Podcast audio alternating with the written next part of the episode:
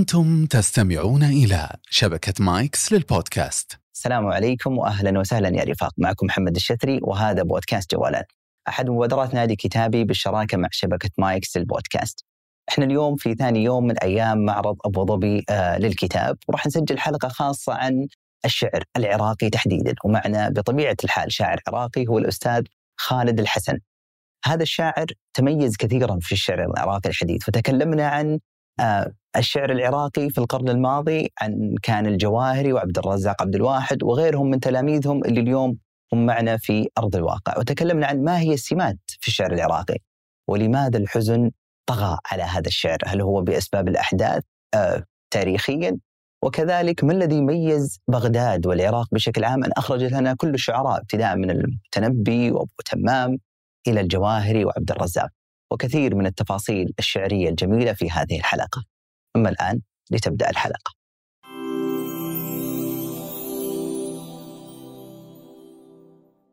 أستاذ خالد الحسن أهلا وسهلا والحمد لله على سلامتك. الله يحفظك أهلا وسهلا بك وفرصه طيبة أن نلتقي هنا في هذا المكان الجميل. الله يسعدك يا حبيبنا، إحنا دائما يعني لا نقلق عندما نحاور شاعرا. لأن الحديث عن الشعر وتفاصيله جميل جدا والشعراء تبارك الله عندهم قدرة هائلة يعني آه، على الحديث وأخذنا في الاستطراد إحنا راح نتكلم عن الشعر العراقي الحديث. لكن قبل ذلك نبغى مدخل من مداخلك الجميلة. أن تلقي علينا قصيدة من قصائد آه، تختارها نبدأ بها هذه الحلقة. بإذن الله. آه، أمامك الآن موال وأغنيته ورأس طفل إلى عينيك ملتفت. ونخلة خاصمتها الريح. فانكسرت نهرا وما لملمت أعذاقها ضفة وباب بيت فلا تطرق مشاعره. لأن أهليه من أحزانك انفلتوا وشاعر يقتفي أخطاءه. وإذا مشى على البحر فزت فيه أشرعته. تتيه تزدحم الدنيا عليك ولا تستطيع حمل تلال الشيب من سأته أخيت دربين هذا لا يجيء وذا يعود منكسرا أبكته بوصلة ويكبر الحزن لم تعرف نهايته. سوى العيون التي ضاعت بها الجهة. هناك حسرة ماء. نشوة ركضت. وعاشق يشتهي نبعا. وعاشقة تعانقا دون سقف في طريقهما. وبعثرت عطرها الشخصية مصطبة أمامه الآن موال وعازفة. وعازف لم تجد عينيه حنجرة وهدهد ضائع لم يبتكر سبأ ولم تخف غضبة السلطان أجنحة.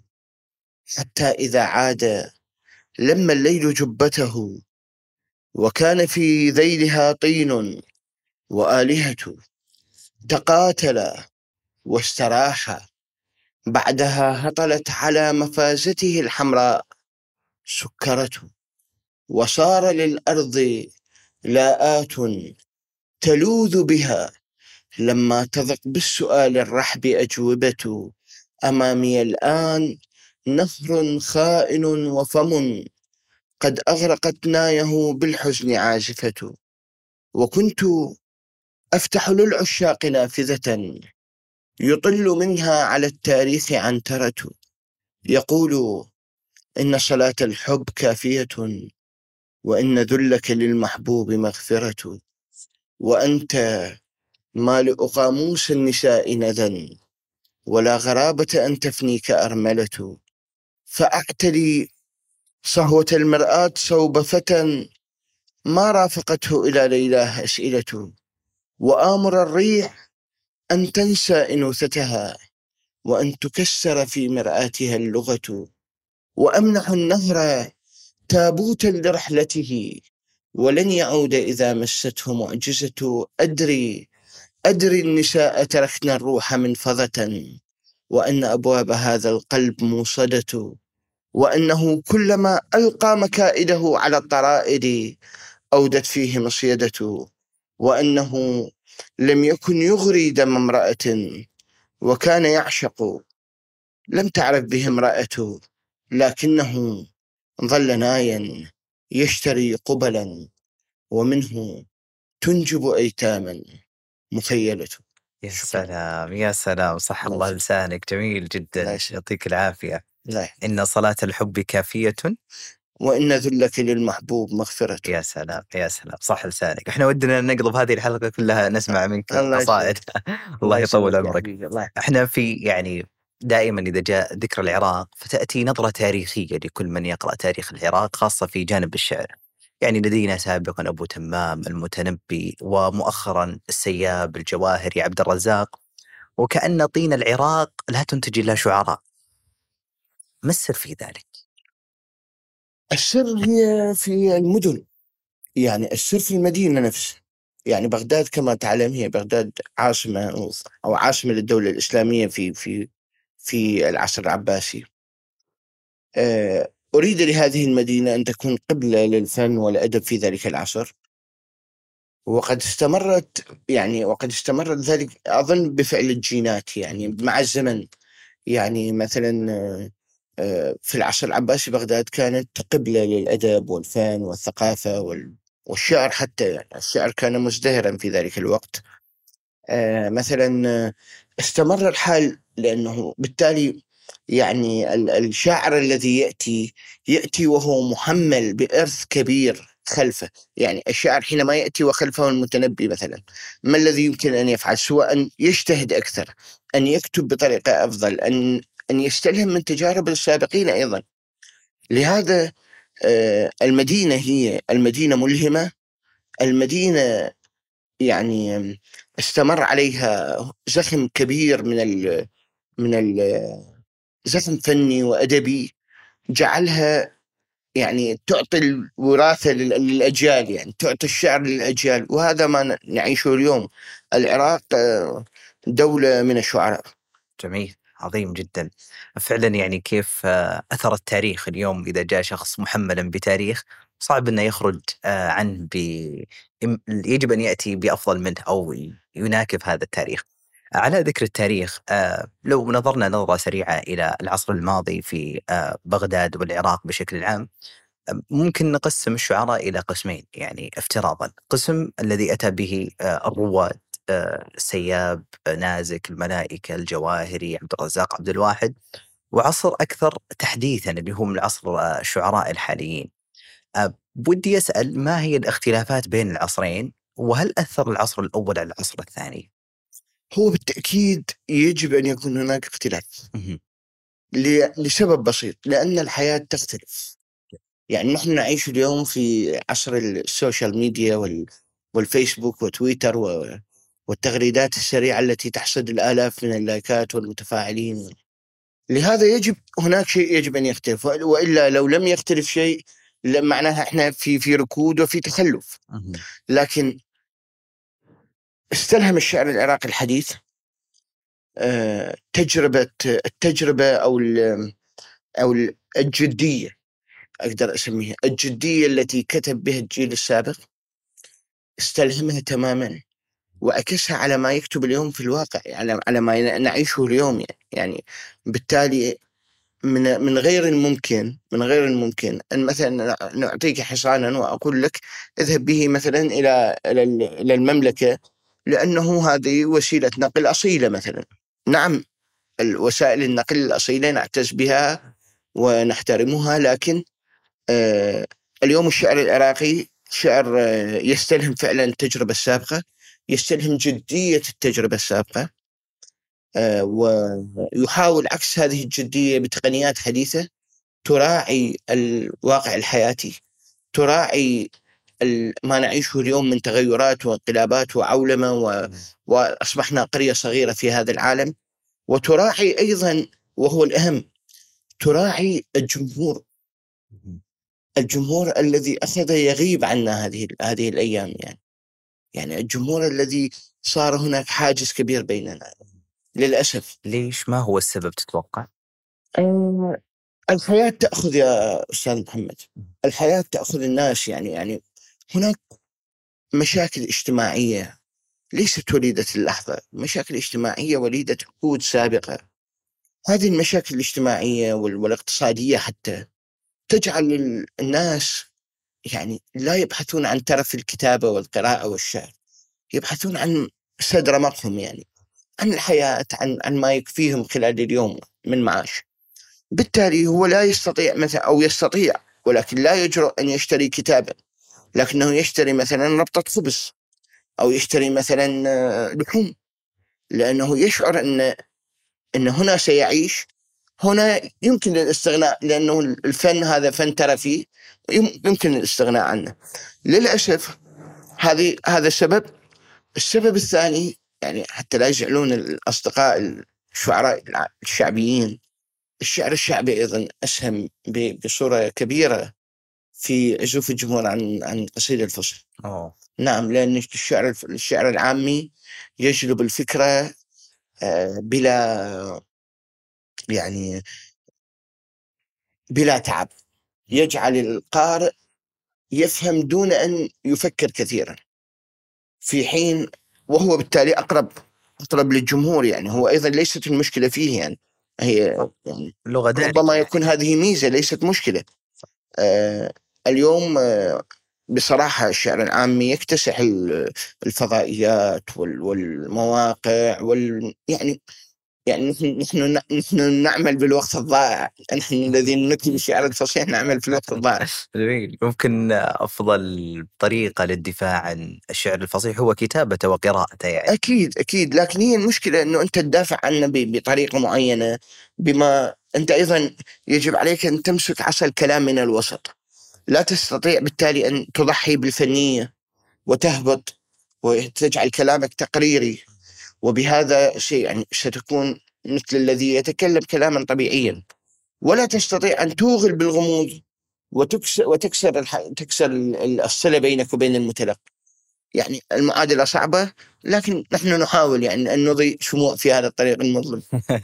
جميل. أعتقد حتى وسط الشعر الفصيح هنالك جدل أو خل نقول يعني حصلت بعض الانقسامات. يعني لو رجعنا إلى العصر السابق آه، الجواهري والسياب مثلا. يعني آه، الجواهري تربى على عرش العمودي مثلا. وقيل أن ربما ان بدر شاكر السياب يعني ذهب إلى منطقة أخرى ربما لأن الجواهري احتل هذا المكان يعني هذا ادعاء. ولكن آه يعني بين آه ذلك العمود الكلاسيكي آه الجواهري تحديدا آه وتلك الفترة ه- بينه وبين السياب وغيره من من الفريقين، هل كان هنالك صراعات حقيقية بينهم أو كل شخص ولونه الشعري؟ هو يعني مبدئيا مبدئيا هو لماذا جدد السياب شكل القصيدة؟ لماذا؟ يعني هو هنا يكون السؤال يعني السياب جدد شكل القصيدة لشعوره أن هذه القصيدة المحددة ب بأبحر محددة وبقوافي محددة بالتالي هناك 28 قافية و- ويعني 16 بحرا آه ضاقت بها العبارة. يعني أصبح أصبح ما يقال مكرر معاد. وهذا بالمناسبة هذا ليس قوله فقط يعني هذا قاله مثلا عنترة حينما قال هل غادر الشعراء من متردم من من ذلك الوقت وهو, وهو يفكر أن الشعر آه، خلاص يعني سيبدأ بإعادة نفسه. أو مثلا آه، محمود درويش حينما يقول وإن قالها متأثرا يعني لم يبق في اللغة الحديثة هامش للاحتفاء بما نحب. فكل ما سيكون كان. بالتالي السياب شعر بضيق المنطقة التي يمكن أن يشتغل عليها أولا. ثانيا الجواهري ربما هو سبب من أسباب وجود القصيدة الحرة أو القصيدة التفعيل جميل. ليش؟ ربما هكذا. لأن الجواهري كان قلعة كبيرة وعظيمة. لابد أن تفتح.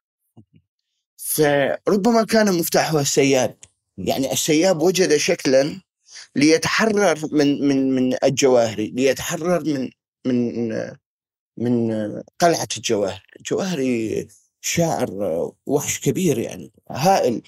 يستطيع أن أن أن أن يلتهمك. اولا نفس طويل صح. ثانيا فنية عالية ثالثا اللغة ما إلها حد.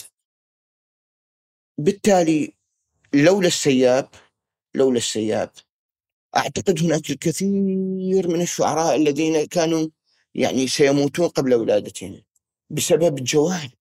الجواهري وما يمتلكه من يعني من جناحين آه، واسعين يمكنهما تغطية قبائل من الشعراء. عظيم لهذا فكرة الخلافات أنا أتوقع ما كانت هناك كثير من الخلافات. يعني مثل ما حضرتك تعرف آه، هناك قصيدة واحدة للجواهري هي قصيدة تفعيل قصيدة على الطريق.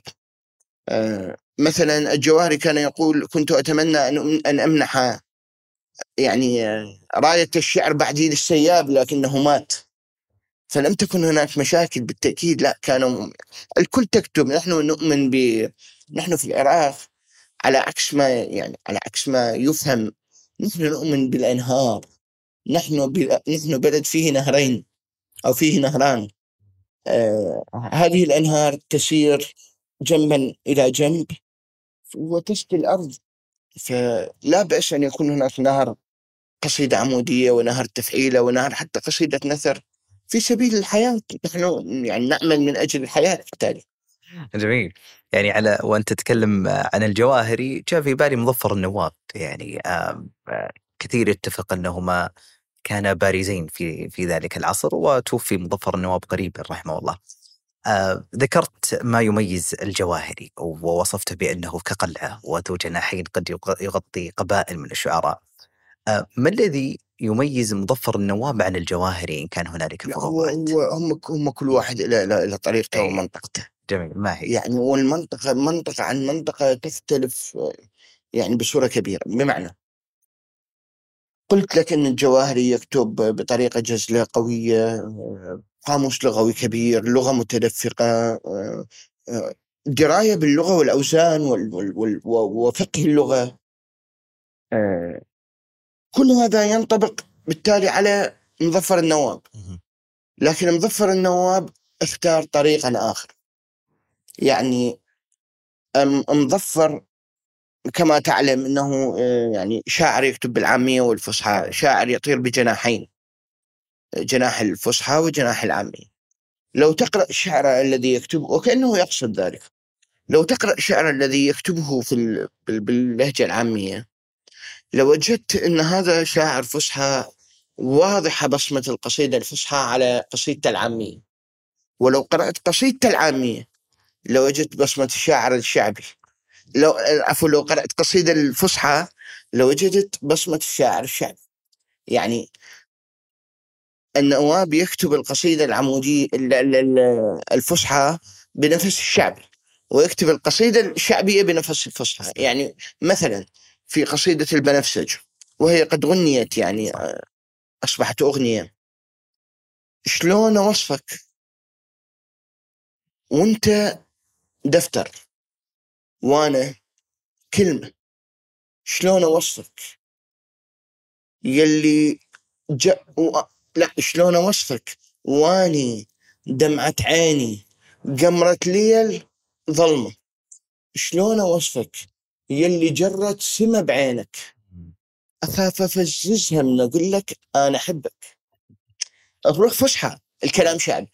صح. تتحول مثلا على قصيدة فصحى للنواب. تجد مثلا وما خلل بها الدنيا ولكن كلها خلل. هذا النفس الشعبي العامي وهو يقصد ذلك. هو يريد الوصول إلى أكثر عدد من الناس بقصيدته.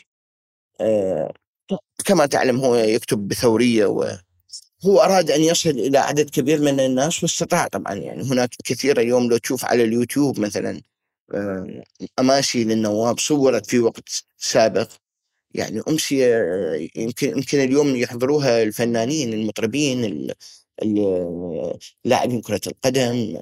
ممكن يعني أما شاعر يقرأ قصيدة فصحى يحضر له هذا العدد الهائل لا هو كان نجم كبير يعني. نجم كبير وتعلمنا من عنده الكثير وتعلمنا من عنده كيف يكون المثقف عدوي كيف يكون مثقف حقيقي يعني. له موقف وله وله فكر يدافع عنه. ما جاء نقد مثلا من النقاد إنه لماذا كان يكتب بالفصحى والعامية يعني؟ تعرف مثلا فريق ال- الفصحى مرات إنه لا لا تذهب إلى العامية مظفر لا ذهب إلى الطريقين وتميز فيه.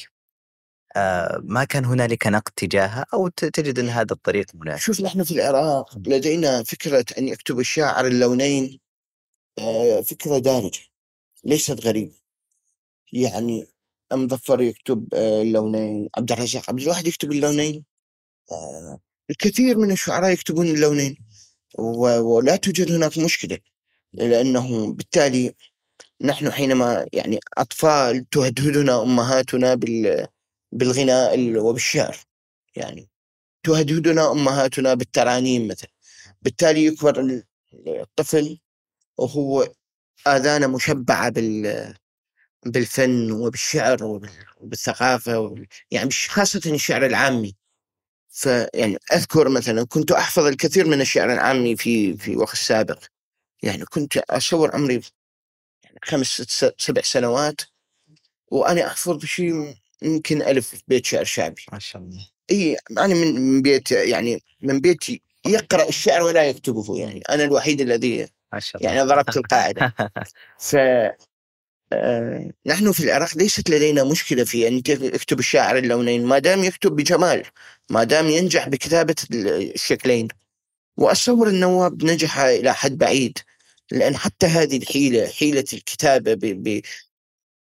يعني كل شكل ب... بنفس مختلف أو بنفس بنفس الشكل الآخر. حتى هذه هو كأنه أراد منها اولا إيصال اللغة الفصحى لعامة الناس.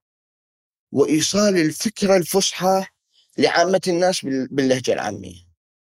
فهو أراد أن أن يعمل ميكس يعني. وفعلا يعني نجح إلى حد كبير. النواب قامه كبيره عظيم. بالشعر العامي العراقي والشعر الفصيح العراقي والعربي. جميل. أنا ما زلت أسير آه، افتتاحيتنا في الحلقة بالقصيدة التي ذكرتها. آه، هل لنا أن نسمع قصيدة أخرى إذا سمحت لنا؟ إن شاء الله.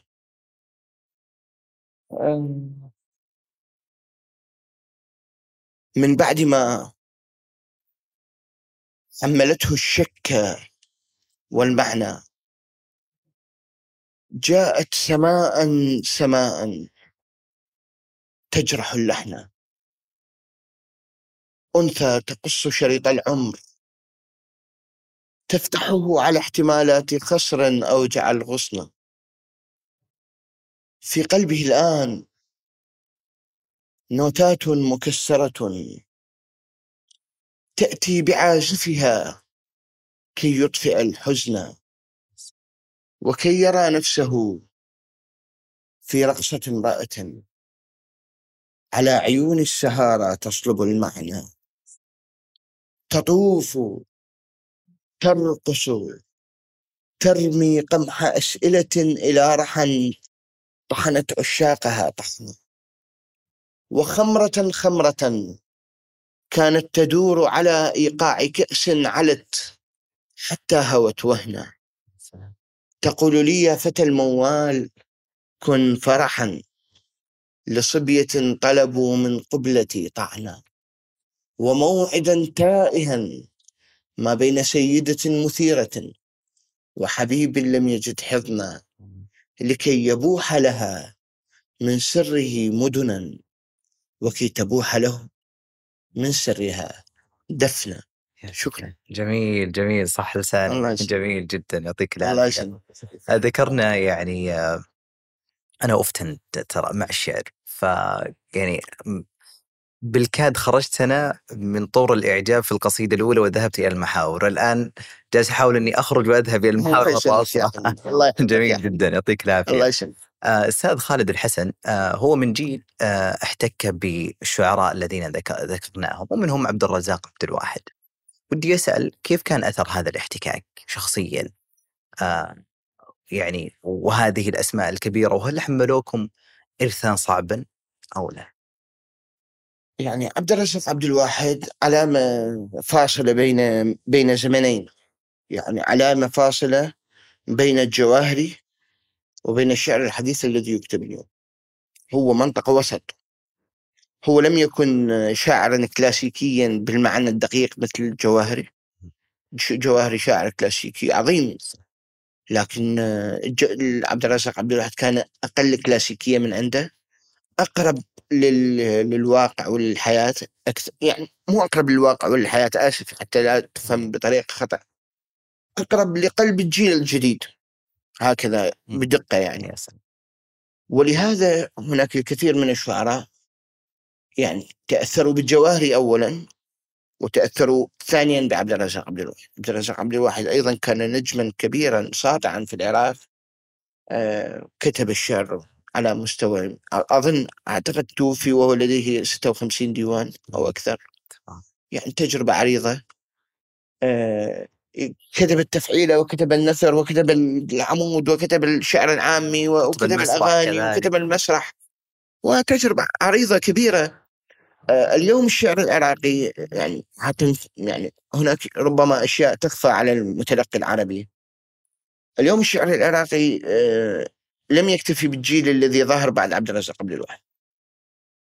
لا يعني الجيل الذي ظهر بعد عبد الرزاق عبد الواحد نقدر نسميهم الجيل ال- التسعيني ال- الشعراء الذين ظهروا في تسعينيات القرن الماضي. لكن هناك جيل آخر ظهر بعد ذلك. يعني ظهر بعد بعد عام 2000 أنا لا أسميه جيل أنا يعني أنا بصراحة لا أؤمن بال- بالأجيال أنا أسمي إحنا كنا أبناء جيل واحد ما دمنا نكتب معا لكن ماذا يعني- تسميه؟ أي. نسميه يعني أبناء أبناء أبناء عمر يعني أبناء حياة. أبناء الحياة يكتبون بعمر واحد.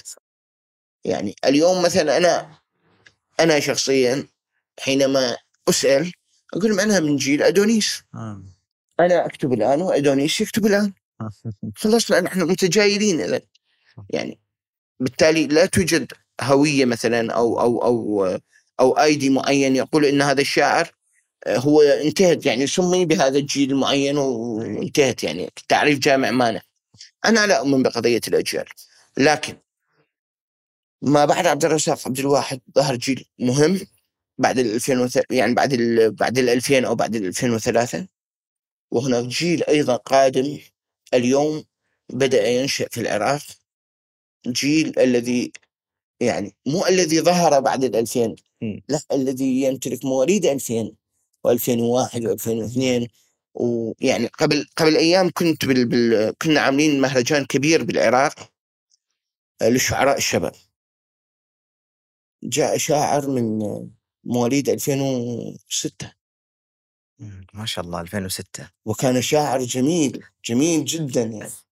2006 و2008 و2005 و2000 عجيب. شعراء رائعين المستقبل أمامهم يعني. عجيب يعني يعني يعني لهذا إحنا أجيال تسلم الراية لأجيال يعني ونكتب معا يعني. يعني هناك مثلا التسعينيين حينما أتوا آه، جئنا نحن بعده وجاء الجيل الآخر ونحن نكتب معا ونتطور من بعضنا يعني. أنا أسمع الشاعر الشاب الأصغر مني عمرا وأتعلم منه. وهو يسمع ويتعلم مني ويسمع من غيرنا ويتع... وهكذا. هي مشغل شعري متواصل يعني. جميل. يعني أنت الآن آه، رئيس آه، نادي الشعر في الاتحاد آه، العام للأدباء وكتاب العراق. تكلمنا الآن عن عن الشعراء اللي ما شاء الله من مواليد 2000 و 2006 2005 ودي أسألك عن الحركة الآن الشعرية في العراق. آه كيف تراها؟ آه مستقبلها؟ آه لغتها؟ هل هي ما زالت يعني تأخذ واقعها وتعيده بصياغة شعرا كيف تشوف الحركة حاليا؟ يعني من من حسن الحظ. يعني ما حدث في العراق خلال العقود الماضية. لو كان يعني يعني هناك قوة جبارة لدى لدى العراقيين. قوة تجعل الش... تجعل العراقيين يكتبون الشعر وهم مثلا تحت القصر. يعني هناك قوة خفية كبيرة تدفع العراقيين تجاه الحياة رغم كل الموت ال- يعني ال- المتناثر على اليمين وعلى اليسار. آه هناك اليوم يعني أكاد أجزم وأعد الجمهور العربي أيضا أن الجيل القادم في العراق الجيل الشعر القادم جيل مطمئن سيرفع راية الشعر العربي. وسيكون آه، يعني امتداد حقيقي وكبير للأجيال التي سبقت. هناك اليوم أسماء مهمة جدا ستظهر قريبا يعني ربما بعدهم أعمارهم صغيرة يعني محتاجين وقت لكن الوقت والتجارب ستسقلهم تماما. يعني أنا بصراحة أستغرب كيف شاعر مثلا يكتب قصيدة رائعة وجميلة وحداثية و... و... وموزونة ومقفات. وهو مثلا عمره 17 18 سنة. تخيل هذا يكتب بلا تجربة بلا حياة. صح. تخيل حينما يهرس في هذه مهرسة الحياة أو طاحونة الحياة حين يطحن بها ما الذي سيكتبه فيما بعد؟ بالتأكيد الشعر العراقي القادم شعر جيد وشعر آه، يعني آه، في طليعة في الطليعة بإذن الله. ربما هناك شيء واحد يعني ألاحظه عليه هو التشابه. شاعر يتشابه مع شاعر آخر. بحكم السن بحكم أنهم كلهم بمنطقة واحدة يكتبون. لكن أنا متأكد أنه يعني خلال خمس ست سبع سنوات لا ستظهر أسماء كبيرة بإذن الله. جميل. ستظهر أسماء كبيرة. آه يعني من يقرأ الشعر العراقي سابقا آه يعني نجد فيها موسيقى الحزن واضحا. هذا هذا هؤلاء الشعراء الحداثيين أو اللي في أعمار الصغيرة 17 18 سنة. آه هل هل لمست هذه الموسيقى موجودة أو لا؟ اختلفت يعني وأثر حتى هذه الموسيقى على الشعر العراقي. هو مشكلة وحل. مو مشكلة بس بمعنى آه أن الشاعر يكتب مبدئيا حتى يفرغ شحنات السلبية وال... صحيح. يعني يحاول قدر الإمكان أن أن يعيد صياغة هذا العالم يعني بطريقة معينة. يا أخي محمد كل شاعر ابن بيئته وابن يعني ابن ابن محيطه وحياته. الحزن يعني أعطني حقبة زمنية واحدة كان فيها العراقي سعيدا. ممكن يعني إحنا لو نرجع مثلا للتاريخ نلقي الحزن متواصل متجذر من من حقبة لحقبة من حقبة لحقبة. يعني حتى يعني بغداد سقطت آلاف المرات. سقطت على يد المغول وسقطت على يد التتار وسقطت على يد الاحتلال الإنجليزي وسقطت على يد ال ال ال ال العثمانيين وسقطت على بغداد مدينة منكوبة دائما. يعني تكاد لا تخلو من من محتل يعني. بإذن الله القادم أفضل لكن فكرة الحزن العراقي هذا الحزن العراقي جاي من بيئتنا إحنا بيئة حزينة. إحنا حين نحزن في العراق على يعني على متوفي لدينا مثلا أنا أعرف امرأة مات أخوها في الحرب لبست السواد عليه عشرة أعوام. وباعت كل أساورها وقالت لن أرتدي ذهبا وأخي تحت التراب. يا الله. نحن متطرفين في حزننا. يعني حين نحزن نحزن تماما بكل بكل ما نملك يعني. بكل ما نملك من حتى هذا الموضوع يؤثر على يعني صحتنا الجسدية. فيا أخي إحنا حزننا مستمر. ومتجذر وإلى أصول تاريخية. وكل ما يمشي الوقت نقول القادم الله ويرجع الموضوع على ما هو عليه. والقادم أفضل ونرجع لدائره الحزن. بالتالي أنا اتصور حتى العراقي إذا ما لقى مناسبة للحزن سيحزن يمكن هنا نتذكر قصيدة عبد الرزاق صبر أيوب. تلك القصيدة العظيمة جدا يعني. مم. يا صبر أيوب. يا صبر أيوب مثلا قصيدة كبيرة. مثلا كثير من القصائد قصيدة عبد الرزاق يا صبر ايوب قصيدة المحرقة للجواهري قصيدة آه، قصيدة المتنبي. هسه المتنبي اللي هو اللي هو أقدم من أقدم من الكل. حينما يبدأ ويقول واحرق الباه ممن قلبه شبم ومن بجرحي يحالي عنده سقم. وإن كانت مديحة لكن مديح فيه الكثير من الحزن والغصة يعني. مثلا آه، الكثير الكثير يعني نتكلم عن المتنبي مثلا بقصيدة أخرى يقول كأن ال... كأن الجفون على مقلتي ثياب شققن على ثاكلي تخيل أن الجفون ثياب وتشق على ثاكل ويهطل الدمع يعني يعني هذا الحزن العراقي هذا هذا مكتوب إنه مك... إحنا مكتوبين له لا نقدر نتجاوزه ولا يقدر يتجاوزنا يعني. فالحمد لله إن شاء الله القادم أفضل القادم بالأجيال القادمه باذن الله العراق إذا حزن حزن العالم العربي كله. يعني هذا من الأشياء التي نرتبط بها خاصة من يقرأ التاريخ ومن يعرف مكانة بغداد يجد إن هذا الارتباط مع بغداد. لعلي أختم معك بسؤال والحديث معك لا يمل أستاذ خالد. لكن لو أردنا أن نضع ملامح للشعر العراقي الحديث آه عن بقية الشعر في العالم العربي فما هي تلك الملامح؟ الحزن جميل. طبعا بالتأكيد هو الحزن اولا. ثانيا فلنكن واضحين ويعني وقريبين جدا من من يعني دقيقين في التشخيص. القصيدة الحديثة التي تكتب اليوم في العالم العربي. يعني خلينا نرجع شوي الأساس هو أساسها عراقي يعني تقنيات ما يكتب اليوم في العالم العربي من قصائد عمودية وأنا أتكلم عن العمودية تحديدا وحتى التفعيلة يعني حتى قصائد الم... وحتى قصائد النثر يعني. أما قصائد النثر فهي بدايتها من أنس الحاج. لكن إحنا نتكلم عن قصيدة الموزونة التفعيلة والقصيدة العمودية. القصيدة العمودية بعد عبد الرزاق عبد الواحد عبد الرزاق عبد الواحد يعني قلت لك كان قريب من مزاج الشباب. والشباب استلهموا التجربة صح منه ومن الجواهري أنشأوا قصيدة أخرى جديدة.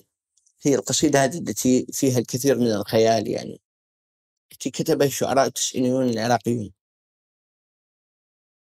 هذه القصيدة هم بدأوا بها كردة فعل تجاه القصيدة النثرية التي كانت تستحوذ على الصحف والمجلات وال... يعني كانت القصيدة العمودية ممنوعة في بالنشر بال... في العراق. فكتبوا قصيدة عمودية حديثة مستلهمة تقنيات قصيدة النثر. يعني كما مثل مثل ما يقول أحد شعرائها الراحلين الله يرحمه توفى بال 2004 مات وهو شابا يعني. رشيد حميد الدريمي مثلا يقول الحب نهر عليه المتعبون قرى. من غيره أيقظ الأقمار وانتظر. تخيل أنه هذا الشعر كتب في بداية تسعينيات القرن الماضي. أو منتصفه ونهايته. هاي القصيدة الحديثة هذه القصيدة الحديثة. أسس لها ووضع لها بيان سمي ببيان قصيدة شعر. رغم رغم تنصل شعرائها عنها فيما بعد. لكن هو هذا كان في تنظير والتنظير كتب أحد النقاد وشاعت القصيدة في العالم العربي.